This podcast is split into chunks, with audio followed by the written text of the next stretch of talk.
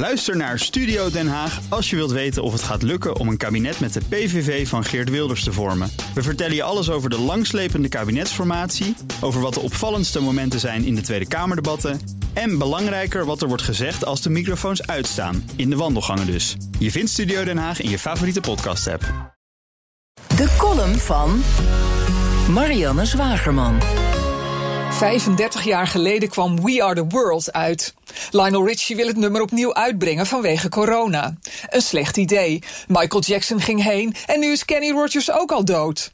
Ik keek de clip dit weekend een paar keer als troost-tv. Wegdromen naar een tijd die als voltooid verleden voelt. Een tijd waarin angst en dood voor de derde wereld waren, niet voor ons. Wij waren de helden, de redders, niet de slachtoffers. Doden vielen daar, niet hier. Wij kenden geen paniek, waanden ons onaantastbaar. Wij zijn de wereld, wij zijn de kinderen. Maar wij zogen de wereld leeg. Het voelt alsof moeder aarde nu ingrijpt, ons even door elkaar schudt, ons een lesje leert over prioriteiten en arrogantie. Troost TV helpt bij de verwerking. De NPO is vol op het genre gedoken. 1 miljoen mensen keken naar de herhaling van het EK voetbal van 1988 en nog meer naar een tranentrekkende André van Duin. John de Mol heeft geen tijd om te troosten. Hij sloeg als een opgevoerd Duracell-konijn aan het reorganiseren toen corona geen griepje bleek. Zijn businessmodel is extreem kwetsbaar zonder een Netflix-tegenhanger die inkomsten genereert bij consumenten. Dus als de adverteerdersmarkt ineens stilvalt omdat we vrijwel niet kunnen consumeren, lig je meteen aan de beademing. Je sprokkelt geen 2,7 miljard euro vermogen bij elkaar zonder vooruit te kijken. Dus de reflex van de mol is voorspelbaar. Maar zijn solidariteit met eenzame kijkers overstijgt het ethisch besef van de playrolhamsteraars niet. Om maar niet te spreken van de solidariteit met de tv-makers op magere flexcontracten, die weinig anders rest dan het uitkeringsinfuus.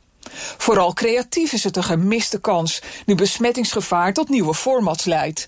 Zoals frontberichten elke avond na Nieuwsuur op NPO 2. Het format is simpel. Artsen, verpleegkundigen en ambulancechauffeurs nemen hun hectische dag door terwijl ze via hun telefoonschermpje met ons praten. Het is indrukwekkend, het is informatief, het is een geweldige manier om mensen die niet de hele dag op Twitter zitten uit de eerste hand te informeren.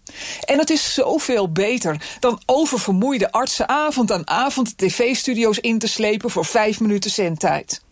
Daar maakte de huisarts die zondag bij Jeroen Pauw plomp verloren meldde dat ze corona had, hopelijk effectief een eind aan. Pauw schrok zich rot. De echte wereld zat ineens naast hem. Dat is Hilversum niet gewend. Columnist Marianne Zwagerman. Terugluisteren? Ga naar bnr.nl of de BNR-app. En daar vindt u ook alle podcasts. Ook Hugo Reitsma vind je in de BNR-app. Superhandig die BNR-app. Je kunt alle programma's live luisteren, breaking nieuwsmeldingen. Je blijft op de hoogte van het laatste zakelijke nieuws. En je vindt er alle BNR-podcasts, waaronder natuurlijk de belangrijkste, Boeken zijn in de wijk. Download nu de gratis BNR-app en blijf scherp.